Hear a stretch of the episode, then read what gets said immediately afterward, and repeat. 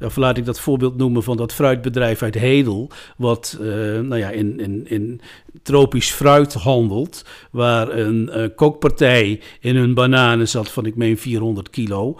Uh, daarvan deden ze aangifte bij de politie en sindsdien worden ze bedreigd en afgeperst ehm, door mensen uit die criminele wereld.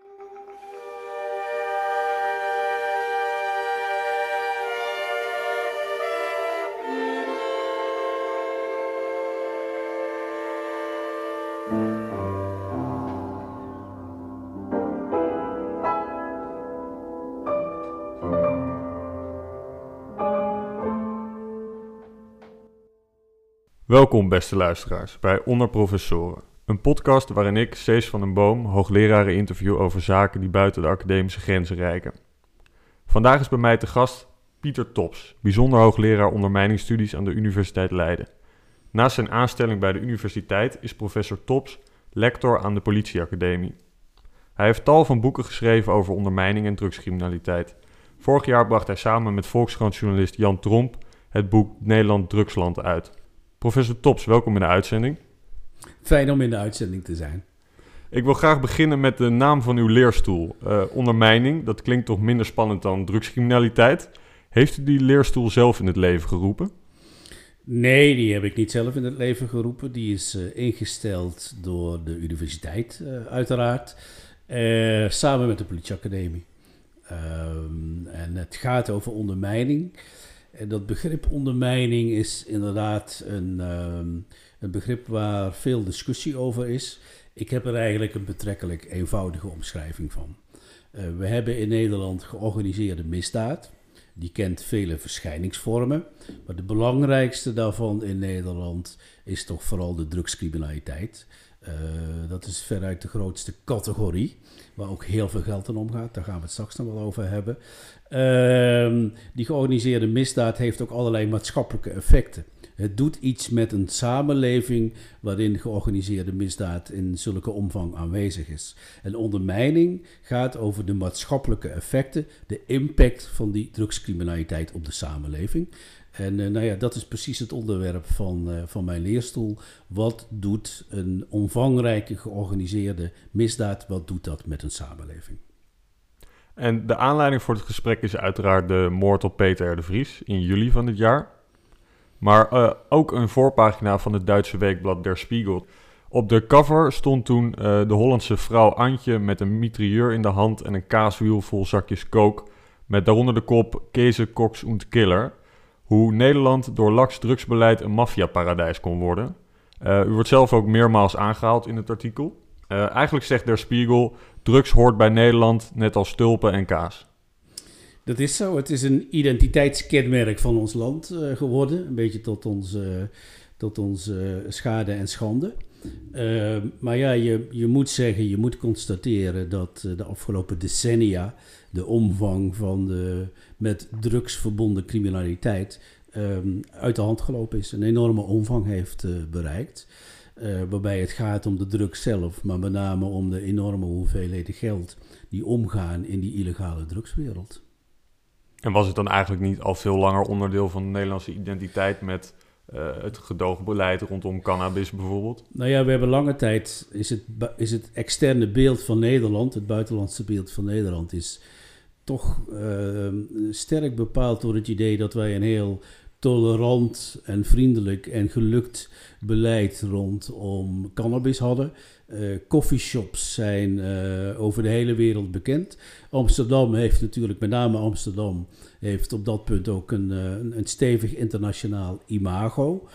Um, voor velen was lang niet altijd duidelijk dat zich achter dat vrolijke liberale beleid, dat zich daarachter ook een hele omvangrijke wereld van georganiseerde misdaad heeft kunnen ontwikkelen de afgelopen 30, 40 jaar. En dat komt nu door, uh, nou ja, door de reeks moorden die we achter de rug hebben. Hè. Dus uh, Peter de Vries noemde je al, maar we hebben natuurlijk ook de moord op de, uh, de advocaat Dirk Wiersum en op de broer van de kroongetuige gehad. Ja, zo langzamerhand heeft dat natuurlijk op een bepaalde manier ook andere aandacht op Nederland gevestigd. Dus dat is in de laatste jaren echt wel gekeerd, de, de ja, dat, dat, internationale dat, blik Ja, dat was binnen, uh, binnen, binnen de politiewereld was dat al lange tijd anders. Hè? Dus uh, Uh, en ook, um, um, laten we zeggen, in internationale ontmoetingen van ministers en zo, um, heeft dat ook wel lange tijd ook, ja, wordt dat besproken. In de jaren negentig kunnen we nog op terugkomen als je wilt, maar was er met name vanuit landen als Duitsland en Frankrijk en de Verenigde Staten werd er ook wel stevige druk op Nederland uitgeoefend om iets, uh, iets te doen aan de synthetische drugs die vanuit Nederland vervaardigd werden en over de hele wereld geëxporteerd. Dus het, het, het, heeft al langer uh, op het netvlies ook van buitenlandse media en buitenlandse regeringen gestaan. Maar dat is nu wel uh, verstevigd door wat er gebeurt. Dus ik merk het zelf ook, uh, de hoeveelheden aanvragen voor interviews met, uh, vanuit, vanuit buitenlandse media was de afgelopen maanden. Nou, dat zat geen grens aan, zal ik maar zeggen. En kunnen zij dan ook echt druk uitoefenen op Nederland?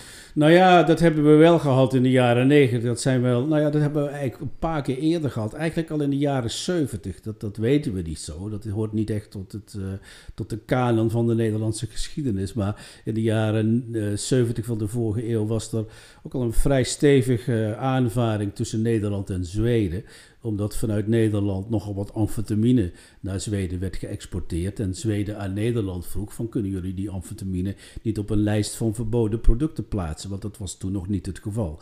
Nou, dat heeft na enige aandrang vanuit Zweden en enige aarzeling vanuit Nederland heeft dat ertoe geleid dat amfetamine op een lijst van uh, verboden stoffen geplaatst werd. Dat speelde al in de jaren 70.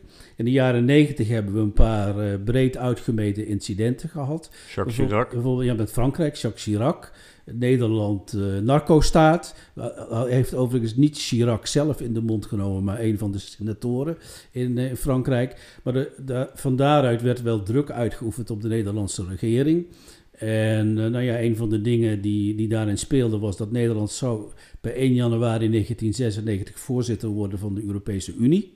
En Chirac dreigde dat te blokkeren als Nederland niet iets zou doen aan um, het, uh, het, terugdringen van de, van de ecstasy-productie en de export daarvan naar het, uh, naar, uh, naar het buitenland, naar Frankrijk. En daar is toen op gereageerd vanuit de Nederlandse overheid door echt, ik heb daar met mensen over gesproken, door in een, in een en een zucht de zogenaamde unit synthetische drugs in het leven te roepen, die nou ja, intensiever politieonderzoek moest doen naar de, naar de productie en export van synthetische drugs in Nederland.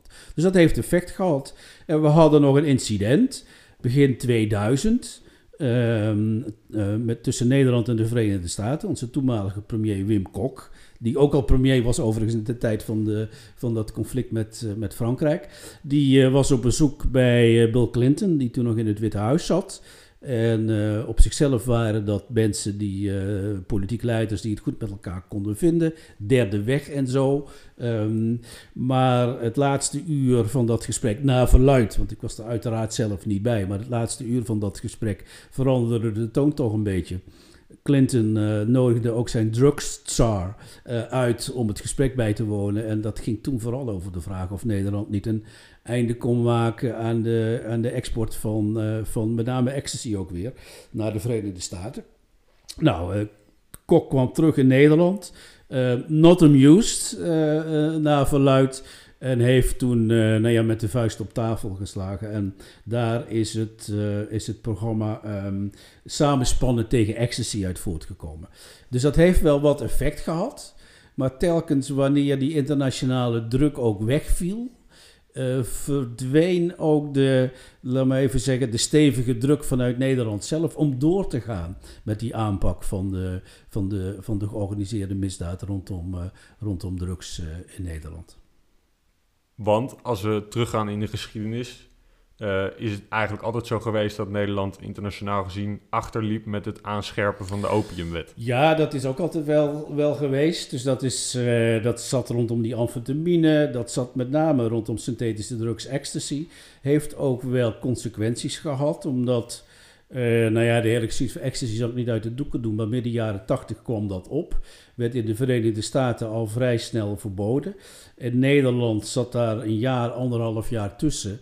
En in dat jaar, in die anderhalf jaar, hebben Nederlandse uh, producenten van synthetische drugs, ecstasy, hebben, hebben een internationale positie kunnen opbouwen. Dus dat is ook wel een van de kenmerken van die Nederlandse drugswereld. Zeer internationaal georiënteerd en ook nou ja, heel snel inspringend op nieuwe internationale behoeften. Dat zagen we toen met ecstasy, maar dat zien we bijvoorbeeld afgelopen anderhalf, twee jaar hebben we dat gezien met de opkomst van metamfetamine. Internationale vraag daarna nam toe.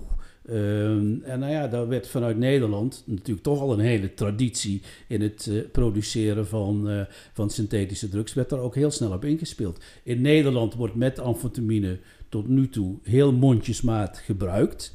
Maar in andere landen is dat anders. En er kwam met name vanuit Australië en andere landen in die regio kwam er vraag naar metamfetamine vanwege bepaalde redenen. En daar wordt dan heel snel op ingespeeld.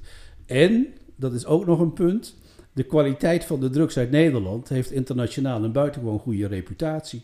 Uh, zozeer zelfs bijvoorbeeld dat op, uh, op, uh, op het dark web, wat inmiddels ook een interessante distributiebron van, van drugs is geworden, dat op het dark web ook ehm, expliciet geadverteerd wordt met dit zijn synthetische drugs uit Nederland. En dat heeft dan in die wereld kennelijk het, uh, het imago van uh, nou ja, betrouwbare en hoogwaardige drugsproducten uh, te zijn. Italiaanse schrijver en journalist Roberto Saviano schreef in 2006 het boek Gomorra over de maffia en de achterbuurten van Napels.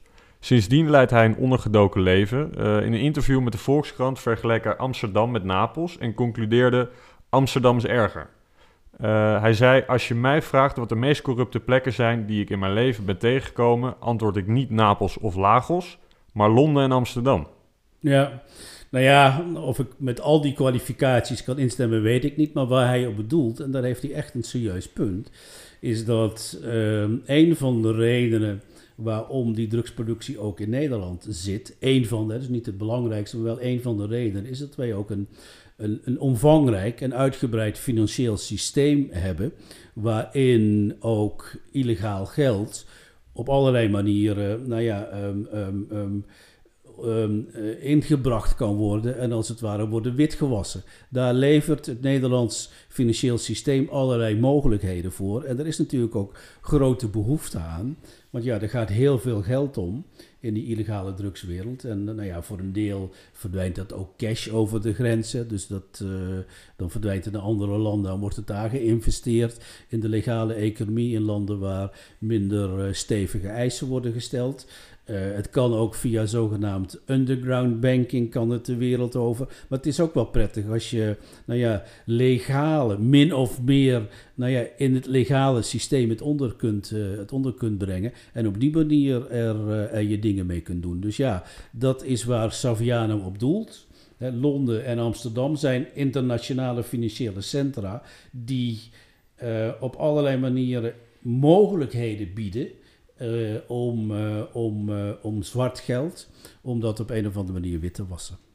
Want eigenlijk als we kijken naar de infrastructuur, um, dat is een van de, om het zo te zeggen, sterke kanten van Nederland. Aan de ene kant is dat bijvoorbeeld de Rotterdamse haven, maar het is ook de financiële infrastructuur ja. die aantrekkelijk is voor drugscriminelen om hier hun geld ja, wit te wassen. Die vraag ben ik me vooral gaan stellen toen ik een, een uitgebreid onderzoek heb gedaan naar de productie van synthetische drugs in Nederland.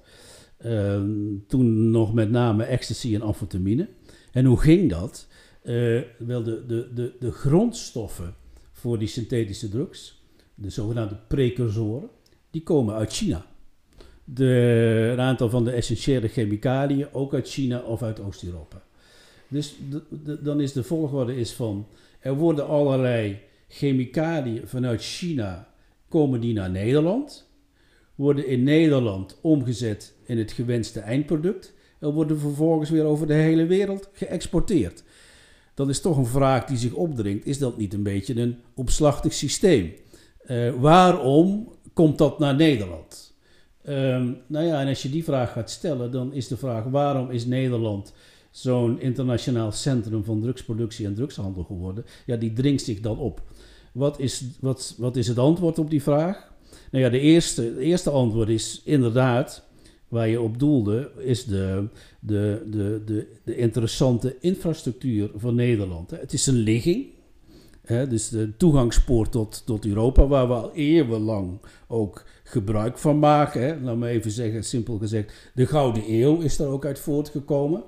Uh, dus die, die, die, die toegangspoort tot Europa, de handelsgeest die daarmee verbonden is en die zich ook heeft neergezet in um, nou ja, een, een, een, ontzettend goed ontwikkelde fysieke infrastructuur. Inderdaad, de havens, de luchthavens, de, de, de, de, de spoorwegen, uh, nou ja, gewoon autowegen. En dat zijn allemaal alles wat interessant is voor de legale economie. Zeker op infrastructureel gebied, op het gebied van de logistiek, is ook buitengewoon interessant voor de, uh, voor de illegale wereld, voor de, in dit geval voor de drugshandel. Dus dat is een, dat is een, dat is een, een overweging of een omstandigheid die zeker een belangrijke rol speelt.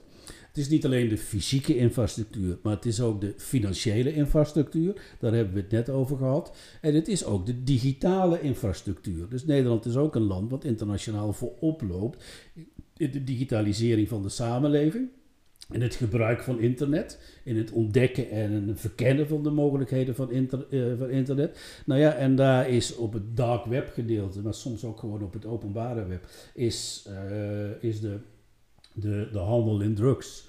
Is, uh, is inmiddels de afgelopen jaren is, is, is wijd, wijdverbreid ontwikkeld. En in de, op het totale geheel van de drugsstromen is het maar een relatief klein deel, maar het is wel een deel wat aan het toenemen is. En met name de ecstasy vanuit Nederland eh, gaat, uh, gaat de hele wereld over. Nou ja, en dan is een van de kenmerken nog van de Nederlandse drugswereld is, als het om die distributie gaat, is dat um, ja, niet alleen die hoogwaardige kwaliteit waar ik het over had, maar het is ook um, Um, er zijn verschillende drugssoorten te bestellen. Ja, dus je kunt uh, de zogenaamde polypakketten, Um, dus je kunt, uh, als je wilt, um, hoogwaardige cannabis, ecstasy, cocaïne, uh, kun je in één, in één bestelling door, kun je die in Nederland bestellen. En het wordt goed, betrouwbaar en van hoge kwaliteit wordt het aangeleverd. Dus dat is ook dat is een belangrijke reden waarom Nederland zo'n zo'n zo'n zo'n draaipunt is geworden in die internationale wereld. En nou ja, um, um, het zijn natuurlijk, het lijken positieve kwalificaties hè, die ik net gebruikte. Maar, is, hè, maar goed, de vraag is of je er zo blij mee moet zijn en of je daar zo trots op moet zijn. Dus die infrastructuur is belangrijk, maar het is niet het enige. Ik weet niet of ik daar nog even, omdat, kijk, die, die, die, die ligging en die infrastructuur, ja, dat zijn min of meer objectieve gegevenheden. Daar kun je niet zoveel aan doen. Dat is waar je gebruik van maakt. Um, maar daarbij komt, uh, er komen ook wat culturele factoren bij.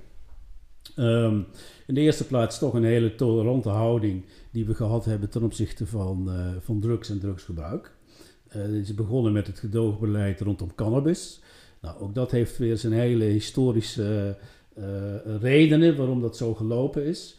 Uh, het is echt wel fascinerend om, om, de, om die ontstaansgeschiedenis, om die nog eens een keer te bekijken. Ook rapporten waarin stond met zoveel woorden, nou dat kunnen we wel doen, want er is behoefte aan. Uh, zo erg is het niet qua gezondheid. En bovendien, de kans dat dit internationaal toerisme naar Nederland zal veroorzaken, wat naar Nederland komt voor die cannabis, of de kans dat het interessant is voor criminele groepen, die achten wij niet zo groot. Dus we kunnen dat al met al kunnen we dat best doen. Nou ja, als je die rapporten leest met de ogen van nu. En, en interessant, dat, ze dachten dat het ook niet interessant zou zijn voor toeristen, toch? Ja, nee, zeker. Dus dat zou niet een. Er zouden wel wat mensen uit België misschien aan delen, maar het zou niet een, een, grote internationale stroom van toeristen naar Nederland veroorzaken. Hè, want dat was een van de gevaren die toen mogelijkerwijs gesignaleerd werden. Nou ja, als je die rapporten terugleest, dan ja, dan, dan, dan, dan, dan moet je constateren dat dat, dat dat misvattingen geweest zijn. Natuurlijk, het is altijd gemakkelijk om er achteraf over te oordelen. Maar het bepaalde wel een beetje de wat vrolijke en af en toe ook nogal naïeve kijk op wat er gebeurde. Want in die, in die, in die wereld van, van de cannabis en de cannabisproductie die allengs opkwam, uh, was het vooral de import van hash uit, uh, uit, uit, uit Noord-Afrika en het Midden-Oosten. Maar al snel werden er uh, nou ja, nieuwe vormen van, van, van cannabis ontwikkeld, van wiet, ook van hoogwaardige kwaliteit, die in Nederland kon, uh, kon kweken in panden. Dus ons weer is niet zo heel erg gunstig daarvoor, maar het werd in panden gekweekt met, met, met warmtelichten erboven. Universiteit van Wageningen heeft ook nog een belangrijke rol gespeeld in het veredelen van de zaden die je nodig hebt voor, uh, voor cannabiskweek. Met welk doel dan? Nou ja, om, om, om nieuwe vormen van cannabisteelt mogelijk te maken. Uh, dus ja, dat is zaadveredeling. Is een van de grote specialismen van Nederland. Uh, dus daar zijn we heel erg goed in. Dat is een, er zijn een aantal vooraanstaande bedrijven en ook nou ja, onderzoeksinstellingen, universiteit spelen daar een rol in. Dus daar is ook de, de, de, de, zaden voor cannabis zijn veredeld. En er ontstond een grote nou ja, productiewereld van nou ja, de nederwiet. Uh, die ook een internationaal en buitengewoon aantrekkelijk, aantrekkelijk product werd. En die ook vanwege de manier waarop dat gedoogbeleid vorm werd gegeven, uh, die ook nou ja, die in criminele handen kwam. Die verdienden daar enorm veel geld mee.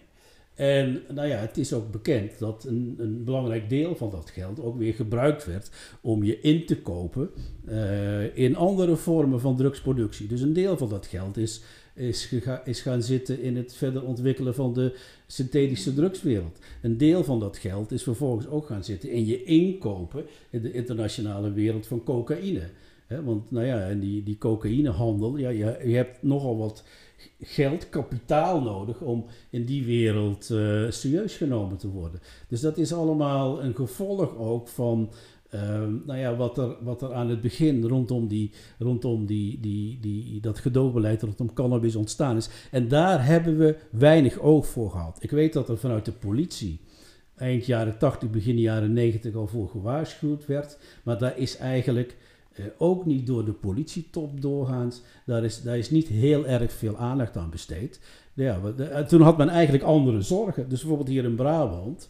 Ehm, um, was de zogenaamde Kempenbende. Die deed gewapende overvallen. Nou, dat was nogal een probleem. Dat was ook gewelddadig. Daar uh, werden ook veel mensen de diepe van. Um, nou, dat verdween zo in de loop van de jaren tachtig. Dat was eigenlijk een beetje een ondergeschoven kindje. Ja, en wat er ook gebeurde is dat, dat, die, dat die mensen die, die, die deel uitmaakten van die Kempenbende, van die gewapende overvallen, die vonden een, een, nieuwe, een nieuwe vorm van crimineel uh, employ. En dat, was, uh, dat leverde en veel meer geld op. En was veel minder riskant. Namelijk uh, overgaan tot, tot de illegale productie van, en van cannabis en van, van synthetische drugs. Dus dat betekende dat het geweld aanvankelijk uit de openbare ruimte verdween. Ik heb dat hier in Tilburg ook meegemaakt. Ik heb een van de een van de buurten in deze stad die een zekere reputatie heeft op dit punt, heb ik vrij uitgebreid bestudeerd. En uh, nou, dat ging begin jaren negentig, werd aan de wijkagent van die, van die wijk werd gevraagd van, nou, wat voor buurt is het? En zijn antwoord was, nou, het is een hele rustige buurt waar ik zo, zonder problemen kan, doorheen kan fietsen nu. Terwijl tien jaar, tien jaar daarvoor nou ja, gingen de, gingen de kevertjes van de politie nog regelmatig op, op hun rug of in de hands. Dus het publieke geweld was tendentieel verdwenen. En ondertussen weten we uh, dat ook in die buurt, de, met name de hennepteelt, uh, maar ook de synthetische drugsproductie, dat, die, dat, die, dat die enorm opkwam. Dus dat, dat, was eigenlijk uh, lange tijd eigenlijk betrekkelijk weinig oog voor van wat zich daar aan het ontwikkelen was en wat de consequenties daarvan waren. Ja, ja. En als we dan kijken naar de omvang van, van het probleem en de omvang van de markt. U heeft in 2017 onderzoek gedaan naar uh, de omvang van de synthetische drugsmarkt. Um, en u becijferde dat die minstens een marktwaarde moet hebben van uh, 18,19 miljard euro. Uh, en even ter vergelijking, de, de netto omzet van Heineken was vorig jaar zo'n 10 miljard.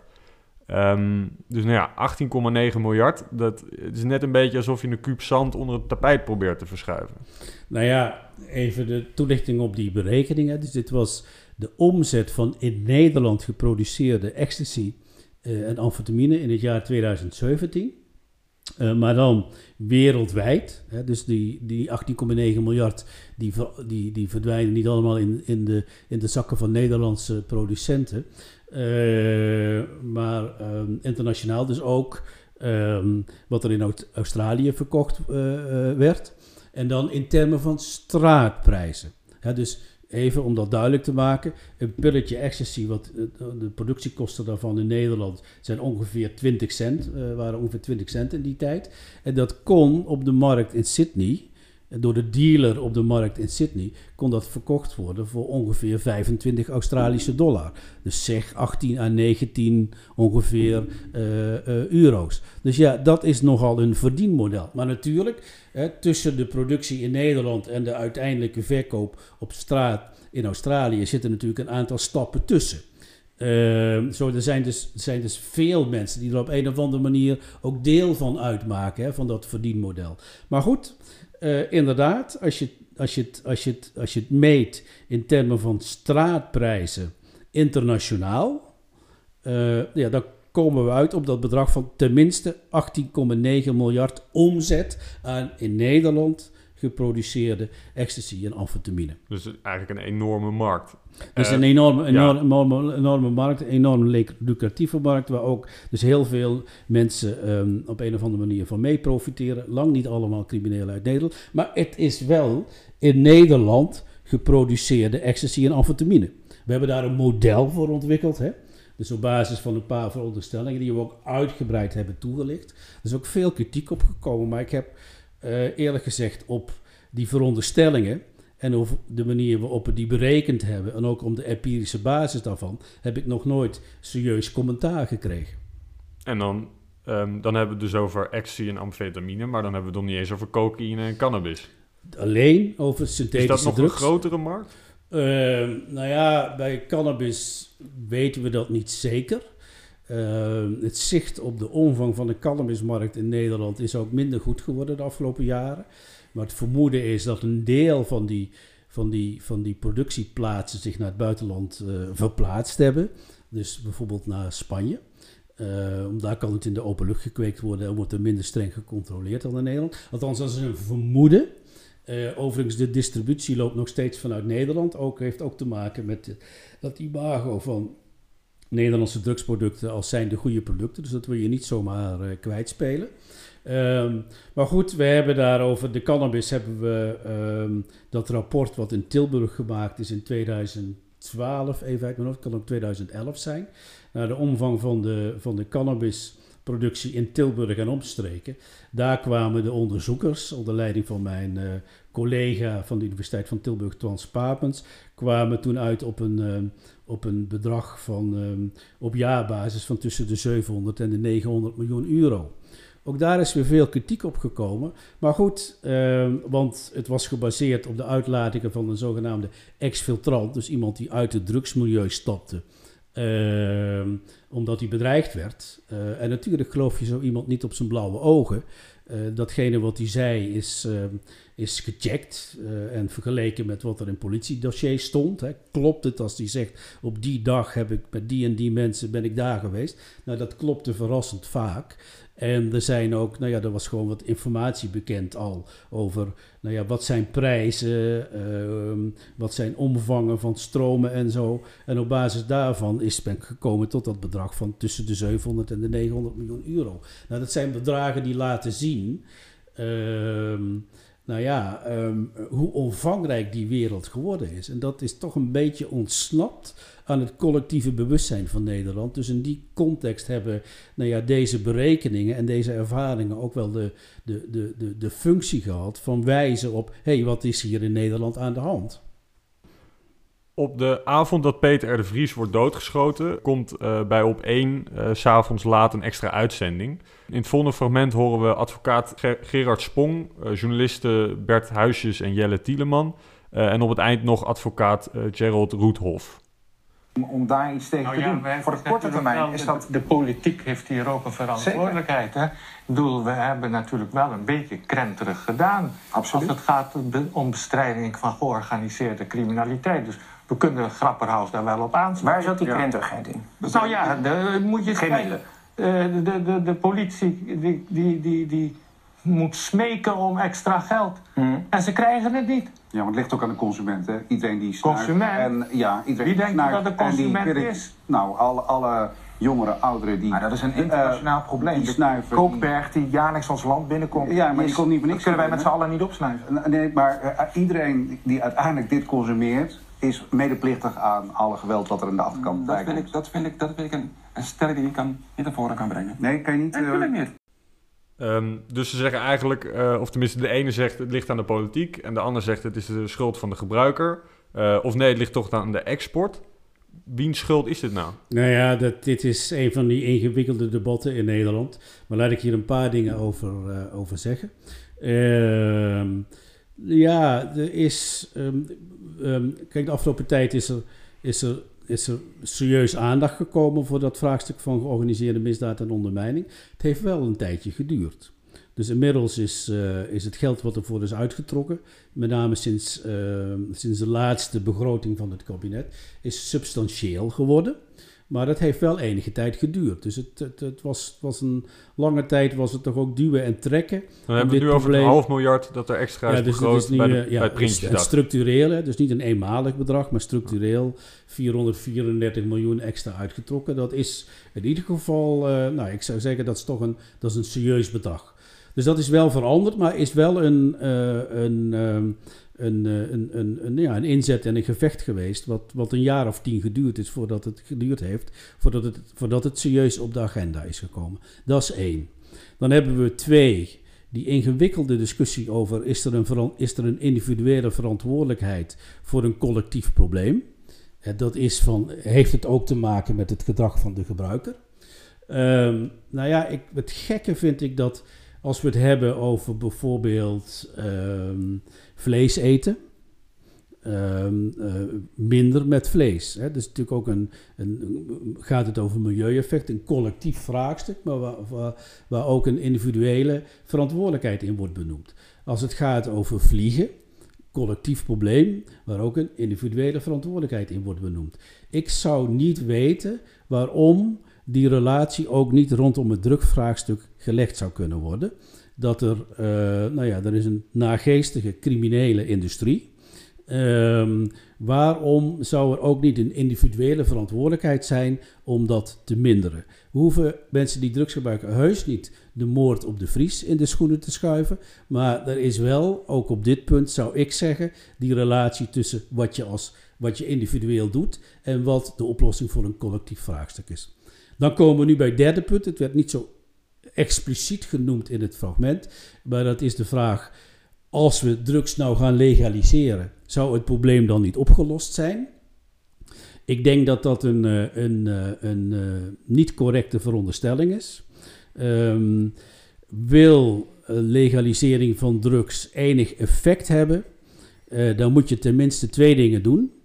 Eh, behalve het strikt reguleren, wat nog wat anders is dan het vrijgeven. Eén, dat kan Met al- staatswinkels. ja, met ja, welke vorm je daar ook voor kiest. Ik ben in Canada geweest, eh, waar cannabis eh, sinds 2018 legaal is. Daar is gekozen voor een gemengd model. Er zijn overheidswinkels, maar er zijn ook particuliere winkels die onder streng toezicht van de overheid, overigens, en die aan allerlei eisen en voorwaarden moeten voldoen. eh, die kunnen daar eh, cannabis verkopen. Maar wat leren deze ervaringen? Eén, voor Europa en Nederland kun je het alleen in een Europese context doen. Want als je een alleingang als Nederland hebt, dan maak je je nog aantrekkelijker als, eh, als drugsland. Voor, eh, voor, de, voor, de, zeg maar voor mensen uit het buitenland en voor de toeristen. Dus dat is één. Overigens is in dat opzicht het interessant dat de Duitse regering nu besloten heeft, een nieuwe coalitie, om ook op een of andere manier gereguleerd cannabisgebruik mogelijk te maken. Nou, hoe ze dat gaan invullen is nog volstrekt onduidelijk. Maar het is wel interessant dat nu ook een groot land als Duitsland dit overweegt. Dat zou een interessante coalitiemogelijkheid voor Nederland kunnen zijn. Tot nu toe waren dat alleen Luxemburg en Malta. Natuurlijk ook volwaardige leden van de Europese Unie. Maar Duitsland legt iets meer gewicht in de schaal. Dus dat is toch een interessante verandering in onze omgeving, zou ik zeggen.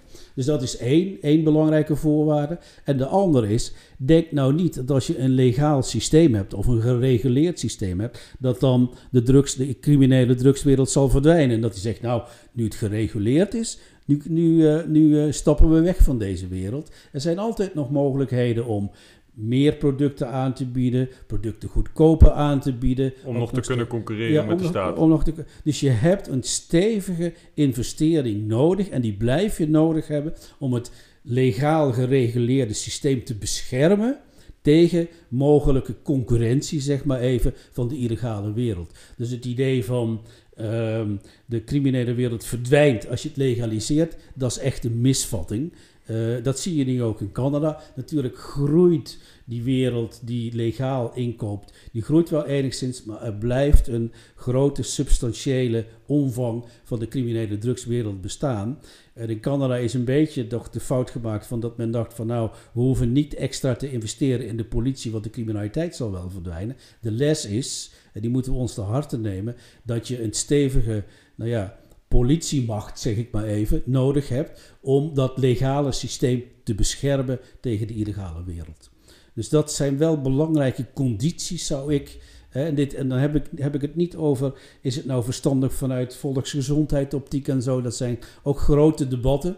Maar ik bekijk het vanuit de invalshoek van helpt legalisering tegen criminaliteit. Dan zeg ik, ben daar niet naïef in. Zie wat je nodig hebt om een, eh, als er al een, een, een, een gereguleerd systeem komt, wat je nodig hebt om dat, om dat volwaardig en goed te kunnen laten functioneren. We gaan weer luisteren naar een fragment.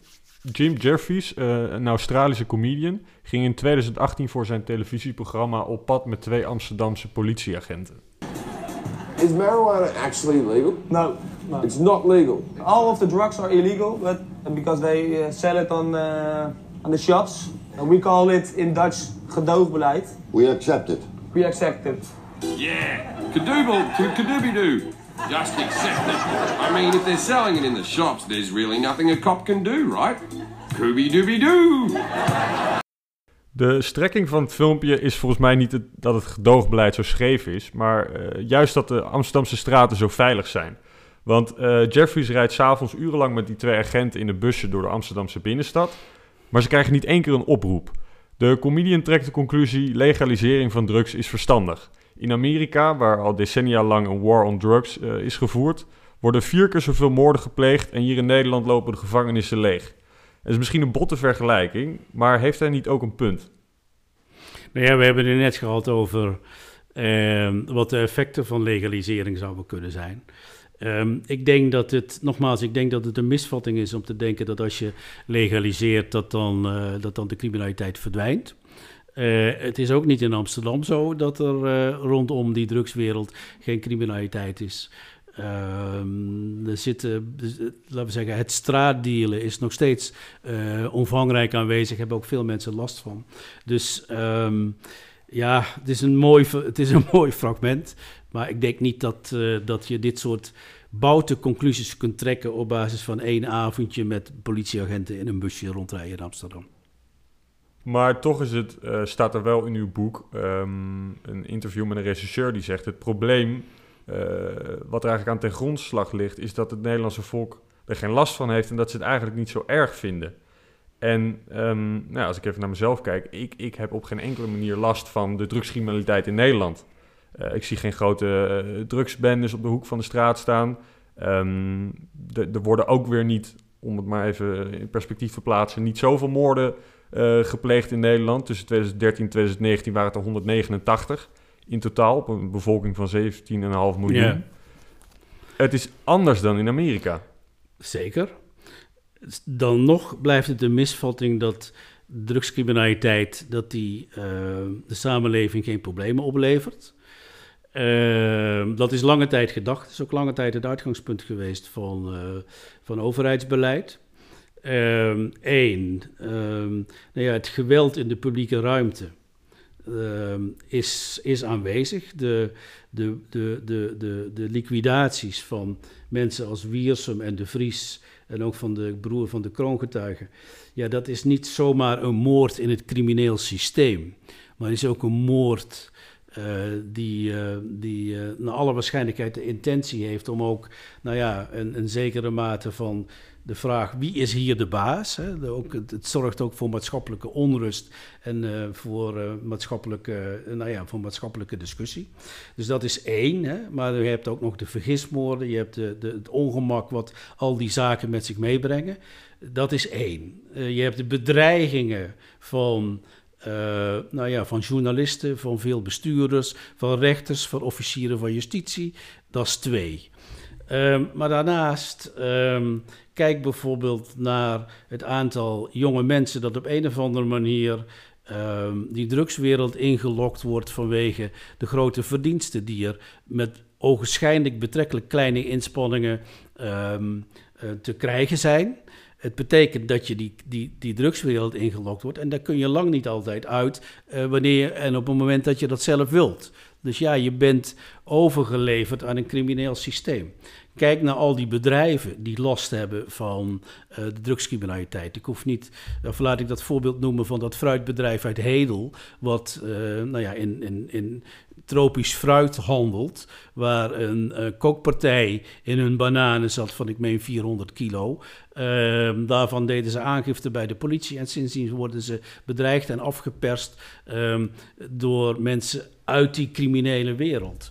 Ehm, kortom, er zijn nogal wat effecten van die criminele drugswereld die ook burgers als jou en mij uh, direct treffen. En de, kans dat wij neergeschoten worden is misschien niet zo heel erg groot. Maar goed, kijk even om je heen naar wat de maatschappelijke effecten van die criminele drugswereld zijn. Dat is behoorlijk omvangrijk. En je kunt in gemoeden niet volhouden dat de samenleving daar geen last van heeft. Dat het iets is wat in die criminele wereld zit. Uh, maar voor de rest heeft, uh, heeft niemand er eigenlijk veel ongemak van. Dat is gewoon niet zo. De maatschappelijke impact daarvan dat is precies ook de reden waarom uh, het de afgelopen tijd een groter vraagstuk is geworden. is ook precies de reden waarom we over ondermijning spreken. Het ondermijnt een normale, fatsoenlijke, rechtvaardige uh, uh, samenleving. En dat is het, ja, het, het, maatschappelijke effect, de maatschappelijke impact van de criminele drugswereld. Dat zit, wat mij betreft, dus niet per se in die productie van drugs zelf. Dat is een volksgezondheidsvraagstuk, maar is een ander vraagstuk. Uh, maar het zit in de hoeveelheid geld die er in die wereld omgaat en de maatschappelijke effecten en de maatschappelijke consequenties die dat met zich meebrengt. In de inleiding van uw boek Nederland Drugsland schrijft u: Inmiddels is het proces van ondermijning zo ver voortgeschreden dat in dit boek de vraag aan de orde komt of het probleem nog wel oplosbaar is. Wij zijn daar niet zeker van. Ja. Dat, dat is nogal wat. Nou ja, dat is nogal wat. En dat had ook zeker te maken met het feit dat uh, de echte serieuze aandacht voor het vraagstuk en voor de gevolgen daarvan. Uh, dat, die, dat, die, dat die zich mondjesmaat aan het ontwikkelen was. En dat toch bij bij velen nog wel precies wat jij net, echt, wat jij net zelf zei: van ja, weet je, is het nou echt wel zo'n probleem? Zolang ik er geen last van heb, uh, who cares? Uh, ik moet zeggen dat op dat punt, daar is, dat is natuurlijk altijd heel ingewikkeld om te zeggen, maar daar hebben die publieke moorden wel een hele versnellende rol in gespeeld. Dat de, de, de serieuze aandacht vanuit de overheid en voor een deel vanuit de samenleving wel is toegenomen de afgelopen tijd. En dat ook helder is uh, wat, voor, uh, nou ja, wat voor stevige aanpak we de komende jaren zullen nodig hebben. Er is een pact voor de rechtsstaat verschenen. Uh, onder leiding van Peter Noordanis, de voormalig burgemeester van Tilburg. Uh, en daarna voorzitter van het strategisch beraad ondermijning. Ik heb er ook nog een, een, bijdrage, een kleine bijdrage aan geleverd. Maar dat pact voor de rechtsstaat, dat geeft ook aan op welke fronten we de komende tien jaar tenminste uh, stevige inzet nodig zullen hebben om die drugswereld een beetje terug te dringen tot een, ja, tot een, tot een, tot een, tot een, tot een, tot een niveau dat minder maatschappelijke consequenties heeft. En waarom zou dit pact of plan dan meer kans van slagen hebben dan al die plannen die hiervoor al Omdat zijn het, nou ja, vanwege twee dingen. Omdat het voor de eerste keer ook dingen in samenhang benoemt. omdat er nu ook voor het eerst serieus geld voor is uh, uitgetrokken. Uh, en omdat ja, die samenhang, het zegt ook, je moet, dat, je moet die drugswereld bestrijden. Aan de ene kant door meer te investeren in politie en justitie. Maar je hebt bijvoorbeeld ook een belangrijke uh, sociale component nodig. Hè, het is niet voor niks dat jongeren, nou ja, um, stel je moet tot je achttiende uh, leren voor een dun diploma en je kans op werk is, nou ja, niet zo heel erg groot op serieus vast werk, dan is dit een aantrekkelijk alternatief. Ik zeg niet dat al die jongeren dat doen en ik praat het ook niet goed, maar je kunt je er wel iets bij voorstellen. Dus behalve grenzen stellen en justitieel interveneren, heb je ook een, een aanpak nodig die mensen perspectief biedt. En als ze dat niet willen grijpen, dat je ze ook bij hun nekval pakt en zeggen: ja, maar dat hoort wel bij een samenleving die ons voor ogen staat. Dat je niet je geld verdient via die criminele wereld, maar dat je je, nou ja, gewoon je plek in een samenleving uh, inneemt en daar willen we je bij helpen. Dus die twee kanten zijn alle twee nodig. En dat is in dat pact voor de rechtsstaat, wat ook niet voor iets pact voor de rechtsstaat heet, het overheid van een rechtsstaat in justitiële zin, maar ook in sociale zin. Uh, nou ja, dat wordt daarin bij elkaar gebracht. Professor Pieter Tops, bijzonder hoogleraar ondermijningsstudies, hartelijk dank voor uw bijdrage aan de podcast. Tot zover onder professoren en rest mij nog te zeggen, hora est.